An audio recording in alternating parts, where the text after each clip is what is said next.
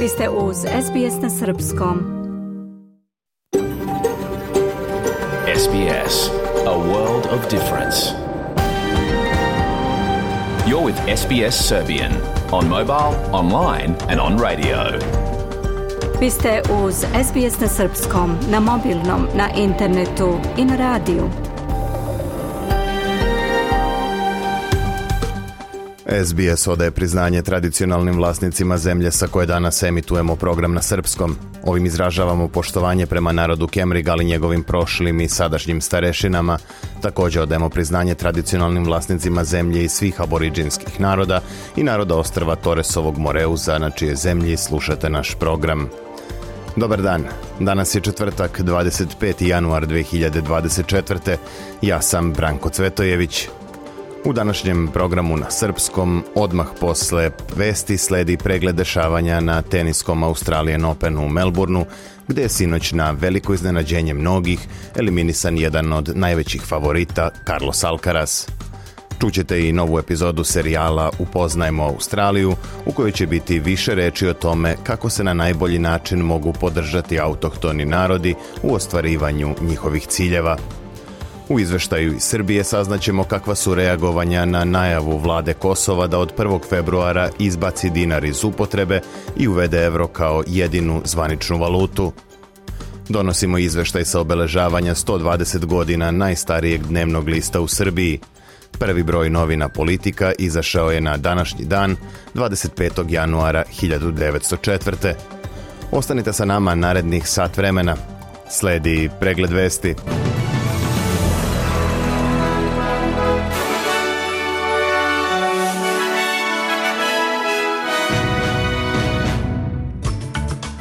savezna vlada ipak promenila poreske pragove u trećoj fazi smanjenja poreza na dohodak.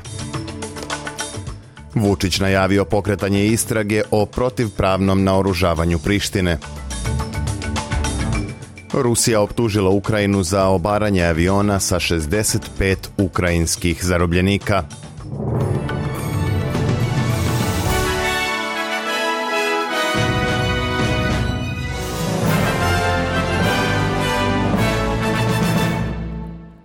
Savezna vlada će smanjiti treću fazu smanjenja poreza na dohodak koja stupa na snagu od 1. jula ove godine. Iako je u više navrata bilo najavljivano da neće biti promjena u programu poreskih olakšica koje je donela prethodna koaliciona vlada, ipak je odlučeno da poreski prag od 30% bude skraćen i da važi samo za primanja do 180.000 dolara godišnje. Za svaki dolar preko tog iznosa porez će biti 45 Koristi od ovih promena imaće Australijanci koji zarađuju manje od 150.000 dolara godišnje, a najveće benefite dobit će zaposleni koji primaju između 50 i 130.000 dolara. Oni će dobiti dodatnih 800 dolara povraćaja poreza na kraju tekuće finansijske godine. Pre nego što je premijer Antoni Albaneze objavio ove promene, savezni blagajnik Jim Chalmers je izjavio da i kršenje predizbornih obećanja, ukoliko za to postoji pravi razlog, može da doprinese izgradnji poverenja. On je za Kanal 7 rekao da su u saveznoj vladi svesni da će odluka izazvati različita reagovanja. Chalmers objašnjava da je vlada došla do drugačije gledišta o kojem je bila otvorena i u proteklom periodu. Pronašli smo bolji način da obezbedimo više olakšica za troškove života većeg broja ljudi bez istovremenog pritiska na rast inflacije. Znamo da će odluke poput ove uvek imati i pristalice i protivnike. Takođe uvek će biti ljudi koji su više zainteresovani zainteresovani da pomognu koaliciji nego da pomognu australijskoj srednjoj klasi, rekao je Chalmers. Stanovnici severnog Queenslanda od Eira do Makaja upozoreni su da se pripreme za dolazak tropskog ciklona Kiril. Predviđa se da će udari vetra i do 120 km na sat pogoditi ostrva Sundays i priobalna područja između Townsvilla i St. Lawrencea. Prvobitno se predviđalo da će Kiril udariti u obalu između Kardvela i Erli Bića u četvrtak uveče kao sistem treće kategorije. Međutim, Biro za meteorologiju kaže da je sistem ipak usporio i da bi mogao da pređe u drugu kategoriju kada u četvrtak uveče ili petak ujutro dođe do obale Queenslanda. Premijer ove australijske države Steven Miles apeluje na stanovništvo da se pripremi za uslove ciklona i da pripaze na svoje susede kojima je potrebna pomoć. Mars kaže da preko web stranice GetReady građani mogu da se uvere da im ne treba pomoć volontera i službe za vanredne situacije. Naravno, oni će uvek biti tu ako vam zatrebaju, ali proverite da li ste pripremili tranzistor, baterije, flaširanu vodu i hranu u konzervi za slučaj potrebe. To je jedan od načina da pomognete hitnim službama, rekao je Mals. Imena dobitnika priznanja Australijanac godine za 2024. bit će objavljena večeras, a finalisti će se za proglašenje okupiti u Kamberi. Predstavnici svih država i teritorija okupit će se u nacionalnom arboretumu, gde će biti dodeljene nagrade koje se tradicionalno uručuju u oči Dana Australije. U četiri kategorije ima ukupno 34 finalista, među kojima su aktivisti zajednice, ekolozi, istraživači i drugi koji će biti nagrađeni za svoj rad u zajednici. Izvršna direktorka organizacije Reconciliation Australia Karen Mandin kaže da je važno prepoznati uspeh starosedelaca na nacionalnoj sceni. Mandin je poručila da će dobitnici nagrada za rad u kulturi, socijalnoj pravdi, obrazovanju, zdravstvu, nauci i muzici nastaviti lidersko nasleđe koje se proteže više od 60.000 godina unazad. Ovo daje nadu i optimizam za našu budućnost, istakla je. Spomenik kapetanu Jamesu Cooku u Melbourneu presečen je u predelu zglobova na nogama i srušen sa postolja. Takođe, spomenik kraljici Viktoriji u ovom gradu delimično je premazan crvenom bojom. Do skrnavljenja ovih spomenika došlo je neposredno u oči dana Australije 26. januara. Ova krivična dela prijavljena su policiji rano jutros, a kako su objavili organi reda, nekoliko ljudi viđeno je tokom noći u okolini spomenika – Premijerka Viktorije Jacinta Alan kaže da će statua kapetana Kuka biti popravljena i vraćena na mesto dok radnici gradske čistoće skidaju farbu sa spomenika kraljici Viktoriji. Obviously, uh, Victoria Police are investigating. Uh... Premijerka kaže da policija Viktorije istražuje okolnosti pod kojima su se incidenti odigrali. Ona je naglasila da ova vrsta vandalizma nema mesta u našoj zajednici i poručila da će u saradnji sa opštinskim vlastima St. Kilde raditi na restauraciji spomenika. Predsednik Srbije Aleksandar Vučić izjavio je da razmišlja kako da pokrene istragu o protivpravnom naoružavanju Prištine, a da ne dovede Srbiju u tešku poziciju. Ova izjava je usledila nakon što je objavljeno da će Kosovo posle raketa Javelin dobiti i naoružanje od Hrvatske i Turske. Uz već kupljena oklopna vozila, sve to bi trebalo da bude deo naoružanja vojske Kosova, a Vučić tvrdi da su takvi planovi protivpravni jer prema rezoluciji 1244 privremene institucije u Prištini nemaju pravo na vojsku, prenosi RTS. Ja razmišljam o tome kako da pokrenemo istragu, kako su svi oni koji naoružavaju kosovske bezbednostne snage, takozvane i ko Albance naoružava suprotno rezoluciji 1244, ko krši povelju Ujedinjenih nacija, kako su to prekršili i kako se usuđuju da krše povelju Ujedinjenih nacija i sve to što treba da urade, a da misle da nikad za to neće da odgovaraju. I razmišljam kako da ne dovedem zemlju u tešku poziciju, a da opet međunarodno pravo mora da bude poštovano. Jačanje odbrambenih kapaciteta Kosova je prioritet vlade u tekućoj godini, rekao je premijer prištinskih vlasti Albin Kurti. On je istakao da je u 2023. budžet za odbranu bio najveći ikada, preko 200 miliona evra. Povećali smo broj vojnika, ulaganje u naoružanje i opremili vojsku borbenim dronovima Barjaktar. Početkom godine smo dobili potvrdu da je State Department prihvatio naš zahtev za kupovinu sistema Javelin, naveo je Kurti. Za to vreme američki State Department pozvao je vlasti u Prištini da preispitaju odluku o ukidanju dinara kao sredstva plaćanja na Kosovu. Portparol State Departmenta pozivana je preispitivanje odluke Centralne banke prema kojoj će evro biti jedina valuta na Kosovu od 1. februara – Zabrinuti smo kako će ta odluka uticati na srpsku zajednicu. Nastavljamo da podstičemo Kosovo da uspostavi zajednicu srpskih opština. To je primarni mehanizam preko kojeg Beograd može transparentno da pruži finansijsku podršku institucijama i pojedincima u okviru kosovskog pravnog okvira. Institucije koje pružaju vitalne usluge poput obrazovanja i zdravstva moraju biti u mogućnosti da nastave s radom, navodi se u saopštenju State Departmenta koje prenosi RTS a povodom uklanjanja obeležja Republike Srbije i postavljanja tabli sa natpisom Republika Kosovo na centrima za socijalni rad u Leposaviću i u severnom delu Kosovske Mitrovice, oglasila se Kancelarija za Kosovo i Metohiju u vladi Srbije. Ocenjeno je da je reč o još jednom činu nasilja o kojem je obavešten posrednik u dijalogu Beograda i Prištine Miroslav Lajčak. Kancelarija za Kosovo i Metohiju u sopštenju je navela da je Albin Kurti nastavio s pokušajima gašenja i otimanja institucija Republike Srbije na Kosovu i Metohiji, a na njegovoj meti su se našli centri za socijalni rad u Leposaviću i severnom delu Kosovske Mitrovice. Ističe se da je jasno da i taj potez nakon najave zabrane dinarskog platnog prometa u funkciji zastrašivanja i daljeg obespravljivanja srpskog naroda, Opširnije o odluci vlade Kosova da euro bude jedina zvanična valuta od 1. februara govorit ćemo kasnije u programu. Sjedinjene američke države objavile su da prvi izveštaji pokazuju da su njihovi poslednji udari na mete jemenskih huta dali efikasne rezultate.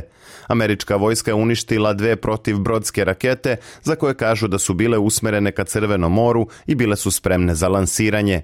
Napadi Huta na komercijalne brodove traju od novembra u znak podrške palestinskom narodu u izraelskom ratu protiv Hamasa u Gazi. Potparol Američkog saveta za nacionalnu bezbednost John Kirby rekao je da su najnoviji udari na položaje Huta direktan odgovor na eskalaciju napada na pripadnike američkih i koalicionih snaga u Iraku i Siriji. Vojska Sjedinjenih država izvela udare na objekte koje je koristio Kataib Hezbolah koji podržava Iran, kao i na ciljeve drugih povezanih grupa u Iraku. Prvi izveštaj ukazuju na to da smo imali efikasne rezultate na sva tri cilja. Uništene su dve zgrade štabova i jedan obaveštajni objekat. Ove akcije su preduzete u samoodbrani nakon napada na naše snage u Iraku i svakako su u skladu sa međunarodnim i domaćim pravom, rekao je Kirby. Rusija je zatražila hitnu sednicu Saveta bezbednosti Ujedinjenih nacija na kojoj bi se razgovaralo o jučerašnjem padu ruskog vojnog aviona, izjavio je ministar spoljnih poslova Sergej Lavrov. Rusija je optužila Ukrajinu da je namerno oborila vojni transportni avion koji je prevozio 65 zarobljenih ukrajinskih vojnika na razmenu zarobljenika – Napad je označen kao varvarski teroristički čin u kojem su poginule ukupno 74 osobe. Lavrov kaže da je reč o krivičnom delu Ukrajine. O zbitom O oborenom vojnom avionu Iljušin 76 i razlozima zbog kojih je ukrajinska strana izvršila ovo krivično delo mogu da kažem da sada utvrđujemo činjenice. Prva poruka koja je objavljena posle obaranja aviona projektilima iz protivavionskog naoružanja bila je od ukrajinske strane koja je najavila svoju sledeću pobedu, još jednu pobedu hrabrih oružanih snaga Ukrajine, rekao je ruski ministar. Ukrajinska snaga kaže da od nje nije traženo da osigura bezbednost vazdušnog prostora oko Belgorodske oblasti na jugu Rusije, kao što je to bio slučaj tokom prethodnih razmena ratnih zarobljenika s Moskvom. Navodi se i da bi optužbe Rusije mogle biti planirana akcija za destabilizaciju situacije u Ukrajini i slabljenje međunarodne podrške Kijevu. Na međunarodnom tržištu valuta jedan australijski dolar danas vredi 66 američkih centi, 60 eurocenti, 52 britanska penija i 70 srpskih dinara i 80 para. Od najvažnijih sportskih vesti izdvajamo. Nemački tenisar Aleksandar Zverev pobedio je Španca Carlos Alcarasa u četvrtfinalu Australijan Opena sa 3-1 u setovima. Zverev će u polufinalu igrati protiv ruskog tenisera Danila Medvedeva, koji je bio bolji od Poljaka Huberta Hurkača. U drugom polufinalu igraće najbolji teniser sveta Srbin Novak Đoković i četvrti nosilac Australijan Opena Janik Siner iz Italije. Oba meča polufinala igraju se u petak. Opširnije o dešavanjima na Australijan Openu i o drugim sportskim aktuelnostima govorit ćemo u pregledu koji sledi odmah posle vesti. Evo i vremenske prognoze za sutra. U Sidneju topao dan sa maksimalnih 35 stepeni i pljuskovima u večernjim satima – U Melbourneu povremeno oblačno i 23, a u Kamberi povremena kiša i 27. U petak u Adelaidu uglavnom vedro i 24, u Brisbaneu povremeno oblačno 32, a za Perce najavljuje sunčano i takođe 32. Sutra u Darwinu pljuskovi s grmljavinom i najviše 29, a u Hobartu povremena kiša i vetrovito do 21 stepen. U Srbiji danas oblačno, temperatura od 3 do 11 stepeni. Bilo je to sve u pregledu vesti na srpskom jeziku za 25. januar 2024. Za više informacija posetite sbs.com.au kosacrta news.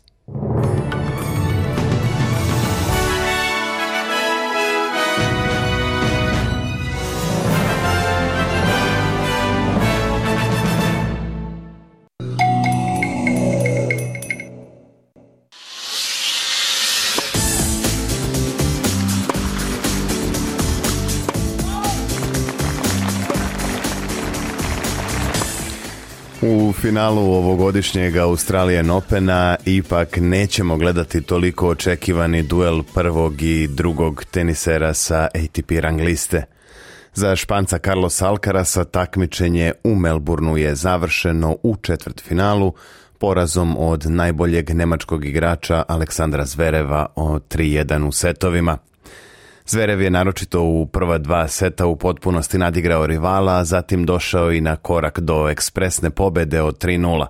Međutim, pri rezultatu 2-0 u setovima i 5-3 u trećem za Nemca, Alcaraz je uspeo da se vrati u igru i da smanji zaostatak, ali je Zverev ipak bio bolji i u četvrtom setu i zasluženo se plasira u polufinale – a tamo ga čeka duel sa ruskim teniserom Danilom Medvedevim koji je u sredu posle velike borbe uspeo da savlada Poljaka Huberta Hurkača sa 3-2 u setovima. U drugom muškom polufinalu igraće najbolji teniser sveta Novak Đoković i četvrti nosilac Australijan Opena Janik Sinner iz Italije. U dosadašnjem toku takmičenja u Melbourneu Siner je barem po rezultatima prikazao najsigurnije partije i jedini je teniser koji nije izgubio ni set. Na putu do polufinala u utorak je maksimalnim rezultatom savladao i Rusa Andreja Rubljova. S druge strane, Novak Đoković je nadigrao Taylora Frica, ali nije uspeo da se odbrani od naleta rivala u drugom setu, koji je i pripao mladom Amerikancu. Međutim, Novak je pokazao da uvek ima rezervoar energije i arsenal neodbranjivih udaraca i to u trenucima kada je najpotrebnije. Đoković je protiv Sinera pokušati da se plasira u svoje 11. finale na Australijan Openu iz isto toliko pokušaja.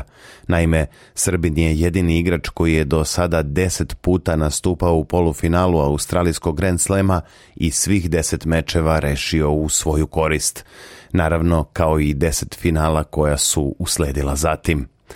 Mečevi muškog polufinala u kojima se sastaju Đoković i Siner, odnosno Medvedev i Zverev, igraju se u petak uveče.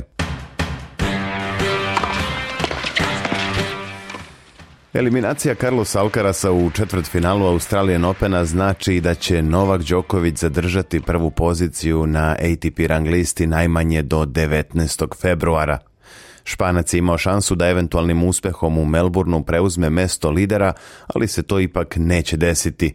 Bez obzira na to kakav će rezultat Đoković ostvariti na ovogodišnjem Australijan Openu, on će ostati broj 1 sve do tog 19. februara i imaće ukupno 412 nedelja provedenih na prvom mestu ATP liste. Do sada niko u istoriji svetskog tenisa to nije uspeo. Roger Federer je ostao daleko iza Đokovića na 310 nedelja, dok je Štefi Graf u ženskoj konkurenciji bila najbolja tokom 377 sedmica. Ovaj rekord Novaka Đokovića teško da će biti dostignut u narednoj deceniji pa i duše.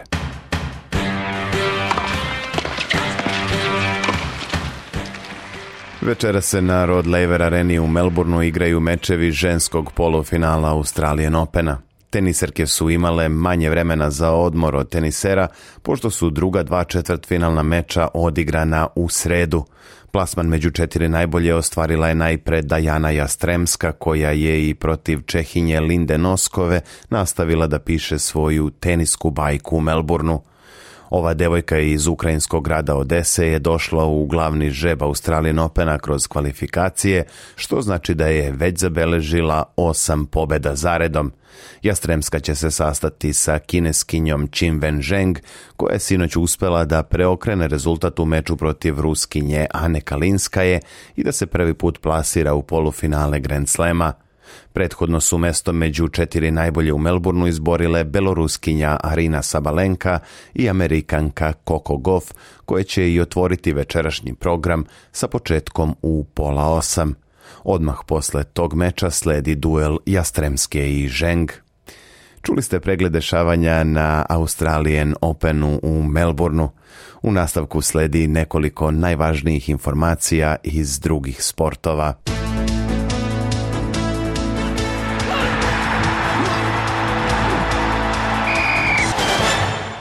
Futbalska reprezentacija Australije plasirala se u drugu fazu takmičenja na Kupu Azije u Kataru. Sokerusi su u poslednjoj utakmici grupe B odigrali nerešeno s Uzbekistanom 1-1 i tako su sačuvali prvo mesto u grupi sa 7 bodova. Ko će biti rival selekcije Australije u osmini finala znaće se večeras nakon što se završe i poslednje utakmice u grupama A i F.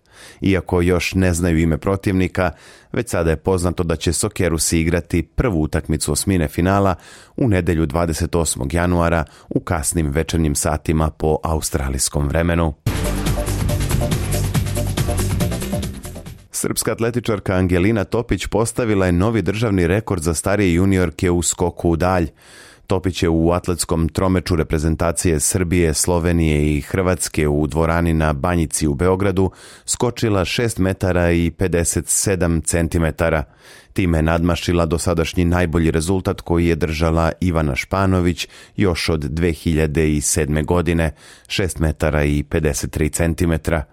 Zanimljivo da je Angelina oborila rekord u skoku u dalje koja je njena osnovna atletska disciplina skok u vis u kojoj se nadmetao i njen otac, proslavljeni atletičar Dragutin Topić.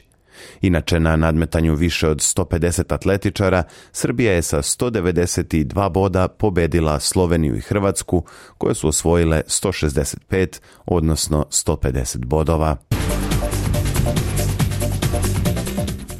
Rukometaši Francuske igraće protiv Švedske dok se Danska sastaje sa Nemačkom u polufinalu Evropskog prvenstva za rukometaše.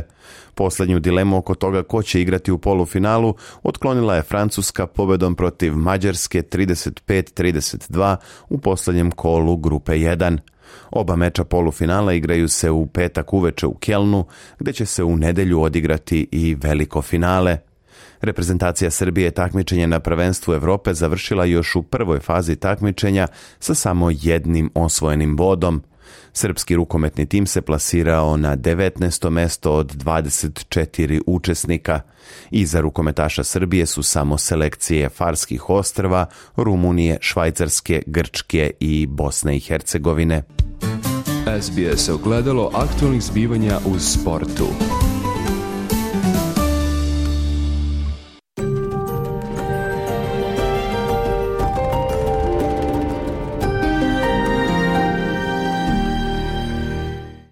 Slušate SBS, program na srpskom. Biti zagovornik podrške prvim narodima ili njihov saveznik u Australiji znači da pojedinac stoji uz autohtone zajednice i aktivno podržava pitanja i ciljeve koji su od značaja za njih. U specijalnom izdanju SBS-ovog serijala Upoznajmo Australiju – Jumi oba približava neke od aspekata koje treba razmotriti u vezi sa zagovaranjem i savezništvom sa zajednicama prvih naroda, opširnije u narednim minutima.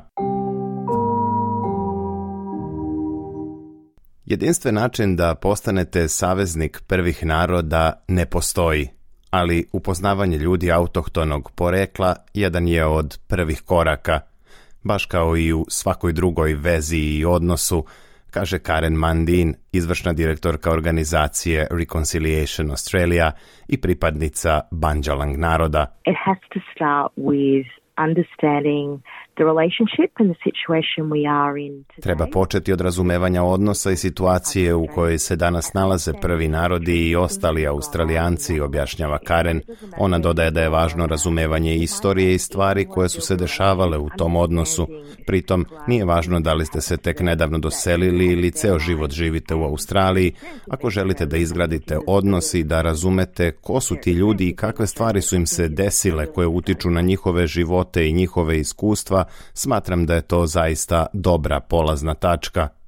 Ona kaže da taj proces može da obogati vaša saznanja i iskustva, omogućavajući bolje povezivanje sa ljudima i zemljom. A great starting point is just learning who the local traditional owners are. Karen Mandin kaže da je za početak dovoljno i samo naučiti ko su lokalni tradicionalni vlasnici u oblasti u kojoj živite. To uglavnom možete saznati preko organizacija prvih naroda, kroz lokalne službe i kroz upoznavanje ljudi u vašem kraju, kao i kroz upoznavanje mesta koja često nose nazive iz tradicionalnih jezika ili su nazvana po istorijskim događajima koji su se odigrali na tom području. Dr. Summer May Finley je pripadnica Jorta Jorta naroda, Ona ističe koliko je značajno da se ljudi koji nisu autohtonog porekla edukuju o pitanjima od značaja za prve narode. Uh, Dr. Finley kaže da je saveznik neko ko izdvoji vreme da sazna više o prvim narodima. Pošto nas ima samo 3% u australijskoj populaciji, kada bismo pokušali da edukujemo sve druge ljude o našim pitanjima, onda ne bismo imali vremena ni za šta drugo pored toga, osim za spavanje i jelo. Zato su polazna tačka koju toplo preporučujem pouzdani izvori informacija kao što su Reconciliation Australia ili lokalna veća za pomirenje u državama i teritorijama. Luke Pearson je pripadnik Gamilaroj naroda i osnivač online platforme Indigenous Six, koja promoviše i slavi različite glasove starosedelaca. On kaže da pre nego što naučimo istoriju, najpre treba da posmatramo sve ljude kao jednake. Ako polazimo od stava zasnovanog na dostojanstvu, poštovanju, ljubavi i shvatanju da su svi narodi suštinski jednaki, a sve razlike koje vidimo u kulturama nisu odraz boljeg i goreg ili superiornog ili inferiornog, onda smo dobro počeli ali ako nema toga onda zaista nije važno ono što ćete naučiti i doživeti, jer ćete uvek na kraju pronaći način da potvrdite i opravdate rasizam, kaže Pearson. On dodaje da iako svako može da odigra ulogu u pozitivnim promenama, savezništvo je termin koji izbegava. The reason I don't like that terminology Pearson objašnjava da mu se takva terminologija ne sviđa jer on pokušava da ukaže ljudima neautoktonog porekla na istinsku borbu za pravdu za domorodačke narode – Ako činiš dobre stvari i pomažeš, to je sjajno, ali to ne bi trebalo da bude etiketa koju će ljudi koristiti da bi se o njima govorilo na taj način.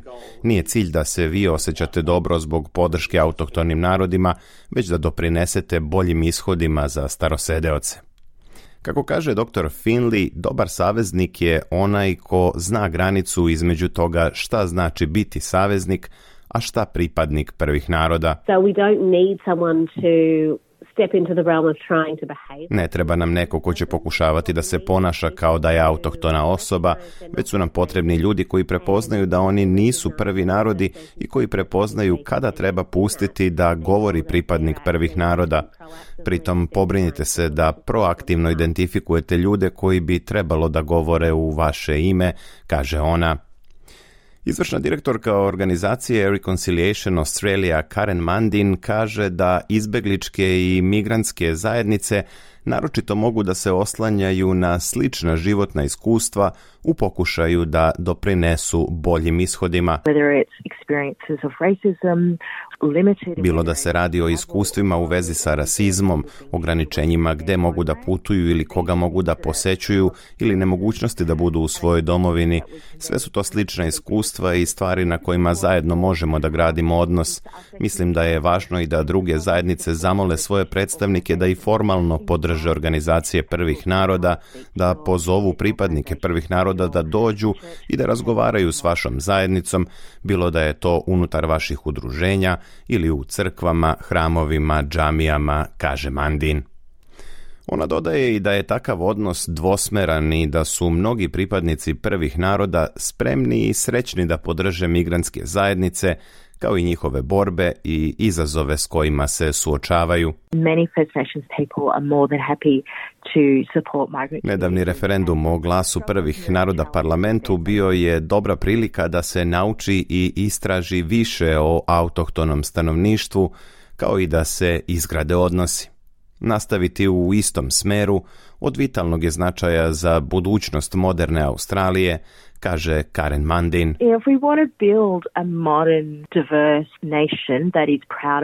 Ako želimo da izgradimo modernu, raznoliku naciju koja se ponosi svojim multikulturalizmom, moramo početi od prvih Australijanaca i prepoznavanja činjenice da njihova veza s ovom zemljom seže više od 65.000 godina u prošlost. Ukoliko budemo gradili odnos na mudrostima najstarije neprekidne kulture na svetu, sigurna sam da ćemo stvoriti niz mogućnosti da postanemo moderna nacija u 21. veku i dalje. Slušali ste specijalno izdanje SBS-ovog serijala Upoznajmo Australiju, koje je napisala Yumi Oba iz redakcije za audio sadržaje na jezicima. Ja sam Branko Cvetojević, Ostanite uz SBS na srpskom.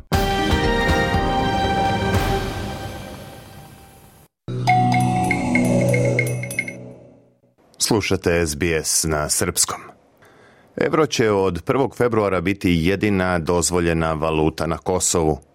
Odluka prištinskih vlasti da ukinu plaćanje dinarima čak i u sredinama sa većinskim srpskim stanovništvom izazvala je burna reagovanja zvaničnog Beograda – Oglasio se i američki State Department pozivom Centralnoj banci Kosova da preispita ovu odluku. Kako je ovaj potez Prištine primljen u srpskim sredinama na Kosovu i da li vlast u Srbiji ima objašnjenje kako je do toga došlo, čućemo u izveštaju naše saradnice Mije Nikolić. Ovu odluku prištinskih vlasti zvanični Beograd vidi kao proterivanje dinara i progon Srba sa Kosova i Metohije – i predsjednik Vučić i premijerka Brnabić ocenjuju da ukidanje platnog prometa sa centralnom Srbijom, odnosno zabrana upotrebe dinara, ne samo da ne doprinosi normalizaciji odnosa, već ubija svaku vrstu dijaloga.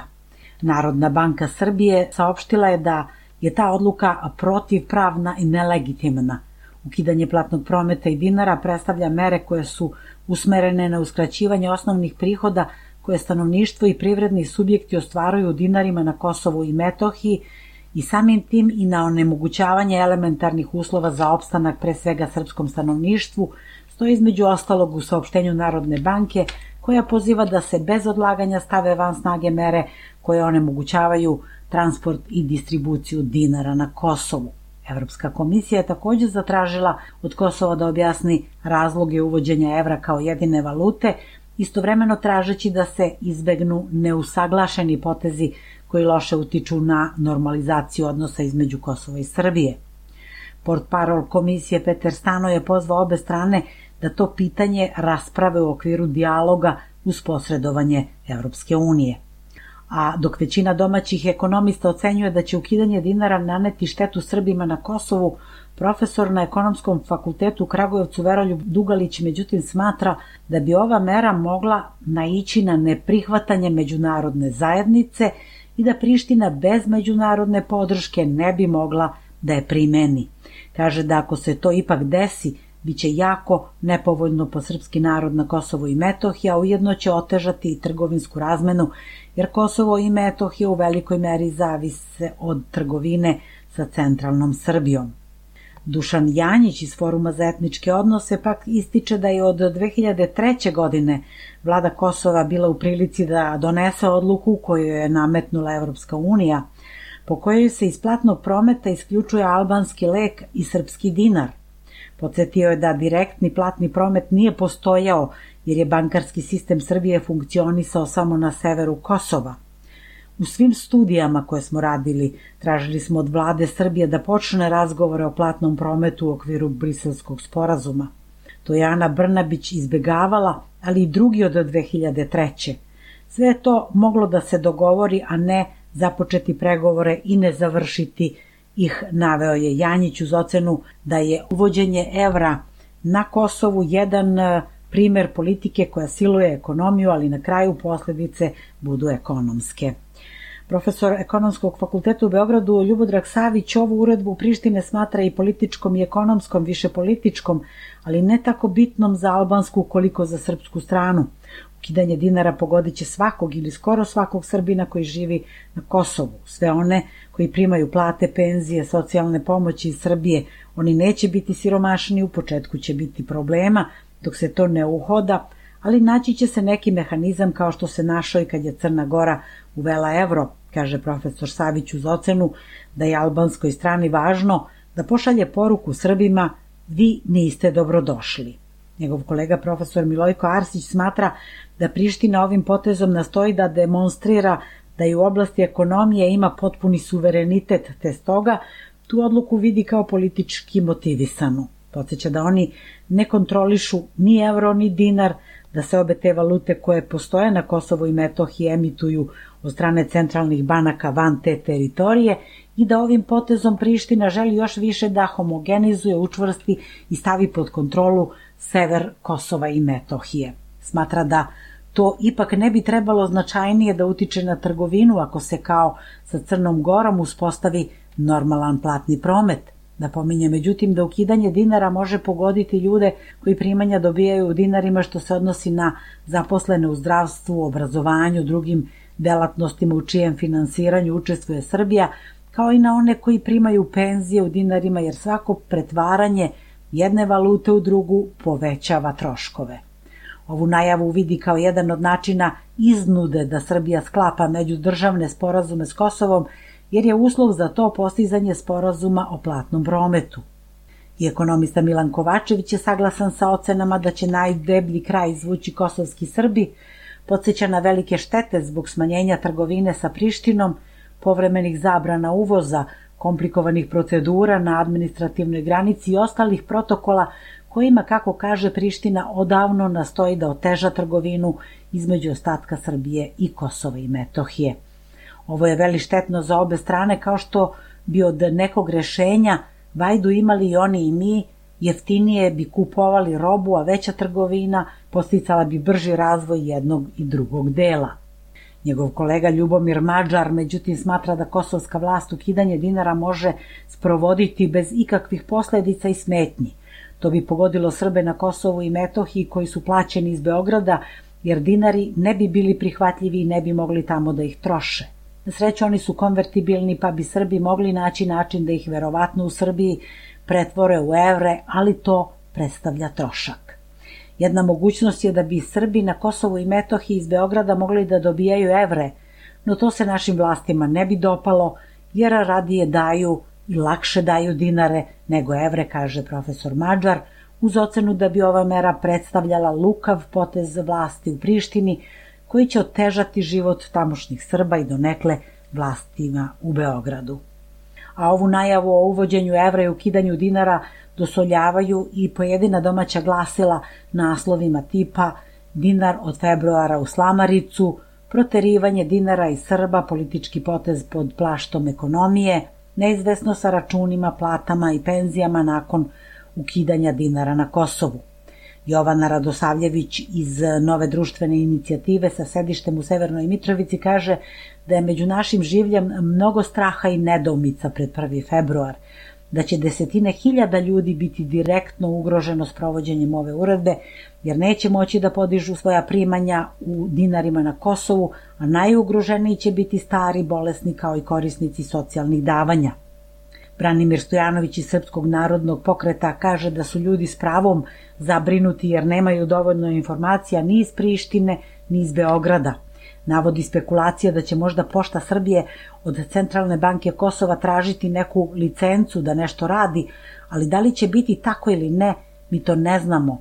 Da li će jedne u klin, drugi u ploču, da li ćemo opet biti između Čekića i Nakovnja, kao što je bilo sa tablicama i mnogim drugim stvarima, mi to ne znamo i bilo bi dobro da donosioci odluka to razjasne, da izađu i da ljudima objasne desit će se to i to i da narod bude spreman.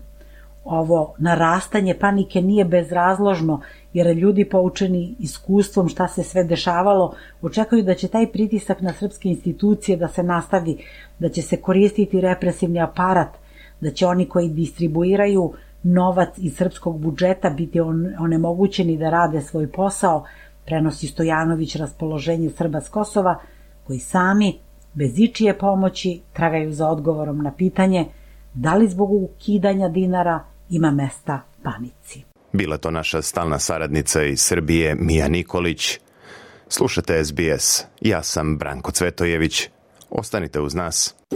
Slušajte SBS na srpskom, na mobilnom, na internetu i na radiju.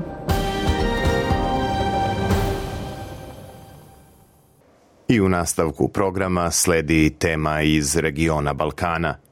Ministar odbrane Hrvatske Ivan Anušić otkazao je prošle sedmice sastanak sa crnogorskim kolegom Draganom Krapovićem zbog njegovih izjava o spomen ploči u nekadašnjem logoru Morinj i o brodu Jadran – Naime, Krapović je nedavno rekao da je napravljena greška kada je postavljena ploča u nekadašnjem logoru Morinj i da natpis na kojem između ostalog piše da su događanja u tom logoru posledice velikosrpske agresije ne odgovara činjenicama – Crnogorski ministar je takođe izjavio da vlada u Podgorici nije spremna da pregovara o vlasništvu nad školskim brodom Jadran i dodao da će sporna pitanja s Hrvatskom, ukoliko ne budu rešena dijalogom, završiti na međunarodnim sudovima – Opširnije u izveštaju Milice Delibašić. Ministar odbrane Hrvatske Ivan Anušić otkazao je sastanak sa crnogorskim kolegom Draganom Krapovićem zbog njegovih izjava o ploči u Morinju i brodu Jadran.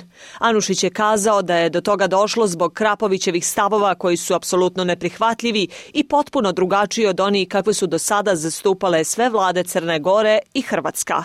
To je da se poništavaju činjenice iz logora Morin iz 90. godina i da se e, brod Jadran kao brod koji je naš brod, hrvatski brod, upisan u matičnu luku Split koji je tada bio 90. godina na remontu pa je slijedom toga i ostao u Crnoj Gori, ne želi vratiti nazad Hrvatskoj i da se smatra da taj brod uopće nije hrvatski nego je crnogorski. To su dvije teme bile koje smo htjeli iskomunicirati, obje dvije teme su na neki način već izrečene dva dana prije mog posjeta u crnogorskim medijima od strane istog ministra i nije bilo smisla da Krapović je prethodno rekao da shodno potpisanim sporazumima nakon disolucije Jugoslavije Hrvatska nema pravo da traži školski brod Jadran i da nijesu spremni da pregovaraju o vlasništvu.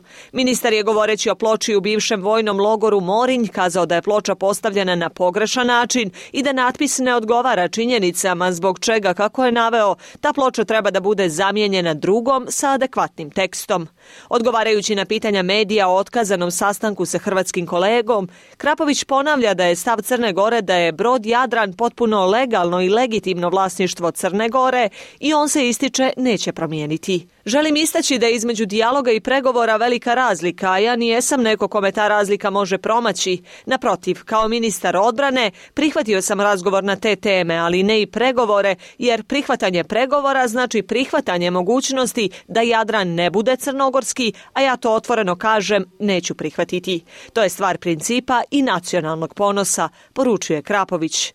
Uvjeren je ističe da je otkazivanje sastanka bilo usmjereno ka hrvatskoj javnosti, posebno imajući u vidu da je u Hrvatskoj izborna godina. Međutim, želim jasno istaći da politički i unutrašnji manevri koji se odvijaju na račun Crne Gore i njenog ministarstva odbrane, posebno kada je riječ o Jadranu, neće biti politički tolerisani, zaključuje crnogorski ministar. Anušić ne isključuje mogućnost organizovanja novog sastanka sa crnogorskim kolegom, ali crnogorskoj vladi poručuje da jedini pravi put put evropskih integracija Crne Gore. na tom putu Hrvatska je dosta bila velike pomoći Crnoj Gori i biti će i u budućnosti, ali to naravno više sada ne ovisi Crna Gora i Hrvatska će otvorena pitanja rješavati razgovorom, a ako u dogledno vrijeme ne bude postignut dogovor, postoje međunarodni instrumenti za njihovo rješavanje, kazao je ministar vanjskih poslova Crne Gore Filip Ivanović. Hrvatska podržava e, evropske integracione napore Crne Gore i činjenica je da postoje određene e, teme koje nisu riješene između naše dvije države. E, moji kolege i ja smo se saglasili da ta pitanja, odnosno te teme, rešavamo kroz dogovor i razgovor, bilateralno.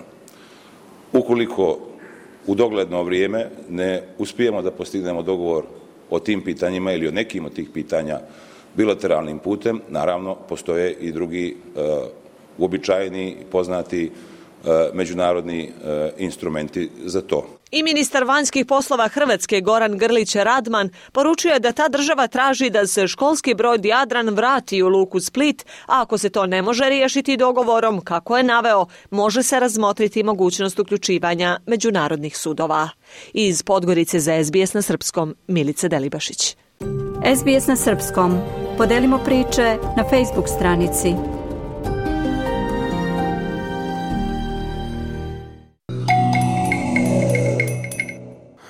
U Kolarčevoj zadužbini u Beogradu održana je svečanost povodom 120 godina od osnivanja dnevnog lista Politika.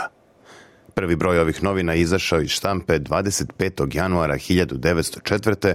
a osnivač i urednik lista bio je Vladislav Ribnikar – Na svečanosti u Savi, sali Kolačeve zadužbine o politici su govorili direktorka Mira Glišić-Simić i vršilac dužnosti glavnog i odgovornog urednika Marko Albunović.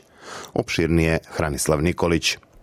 Svečanom akademijom sinoć u zatužbini Ilije Kolarca je obeležen 120. rođendan dnevnog lista politika, svedoka i čuvara vremena. Prvi broj najstarijeg dnevnog lista na Balkanu pojavio se pre 12 decenija 12. januara po starom kalendaru, odnosno 25. januara po novom 1904. godine. Na svečanosti u Kolarcu među brojnim gostima bili su patrijarh Srpske pravoslavne crkve Porfirije, predsednik Republike Srpske Milorad Dodik, predsednica vlade Srbije Ana Brnamić, predsednici Skupština Srbije i Republike Srpske Vladimir Orlić i Nenad Stevandić, prvi potpredsednik vlade i ministar spoljnih poslova Ivica Dačić, kao i drugi ministri u vladi, zatim članovi diplomatskog hora, kulturni, sportski i drugi ugledni gosti. Publici je prikazan i kraći film o bogatoj istoriji ovog lista – a potom su gosti imali priliku da uživaju u muzičkom vremeplovu u izveđenju orkestra pod upravom Bojana Sučića.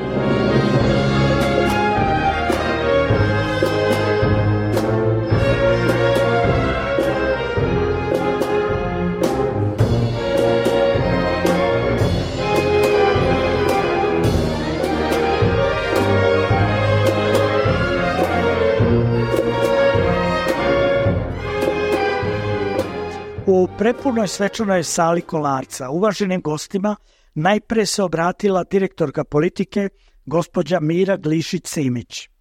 Sigurno sam da ne, među nama nema osobe koja na određeni način nije vezana za politiku, bilo direktno ili kroz uspomene na svoje predske i njihov odnos prema našim listama.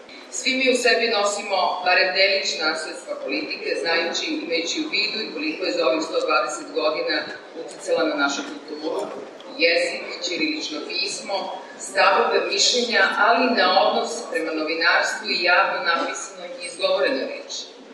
Od prvog dana politika imala informativnu, ali i obrazovnu. Vaspitavala je generacije, širila njihove vidike, stvarala od njih bolje ljude, ostala institucija kulture. Politika pamti vreme pre nas, beleži vreme u kome živimo i bit će hroničar u vremenu koje je pred nama. Zbog toga je naša misija bila da se jedinstvena istorijska građa sačuva za budućnost i uspeli smo to. Digitalizovali smo milione stranica i fotografija, ne samo istorije Srbije, već i čitavog čovečanstva. Tako je politika ispunila svoju misiju da bude svedok i čuva vremena. Vršilac dužnosti glavnog i odgovornog urednika politike Marko Albunović je između ostalog kazao Današnji uređivački koncept politike na prvo mesto ima prosperitet svih građana Srbije, očuvanje srpske državnosti i poboljšanje položaja srpskog naroda u zemljama regiona. Protiv prekrajanja istorije borimo se objavljivanjem nepobitnih istorijskih istina, konstatujući najumnije ljude naše nauke, promovišući obrazovanje kao najvišu vrednost jedne nacije. Današnja politika nije samo revnostni hroničar događaja sveta u kojem živimo, već ima dužnost da čitaocima i celom društvu predstavi viziju pravca kojim se Srbija kreće, ne krijući opasnosti i iskušenja koja nas na tom putu očekuju. Principi medijskog izveštavanja moraju da ostanu načela koje su promovisali osnivači politike pre 120 godina – rekao je na kraju gospodin Albunović. Iz Beograda za SBS Hranislav Nikolić.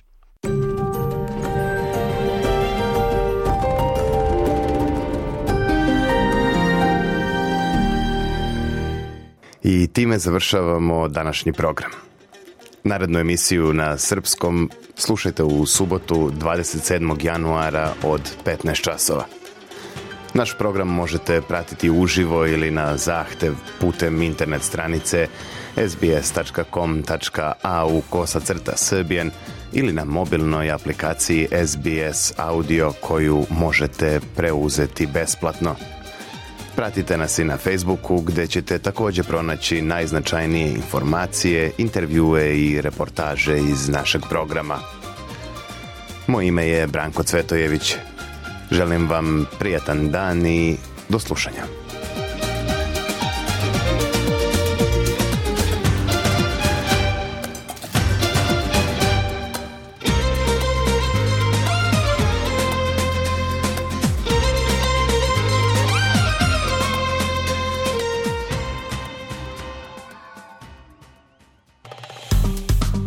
Dajte like, podelite, komentarišite Pratite SBS Serbian Facebook profil.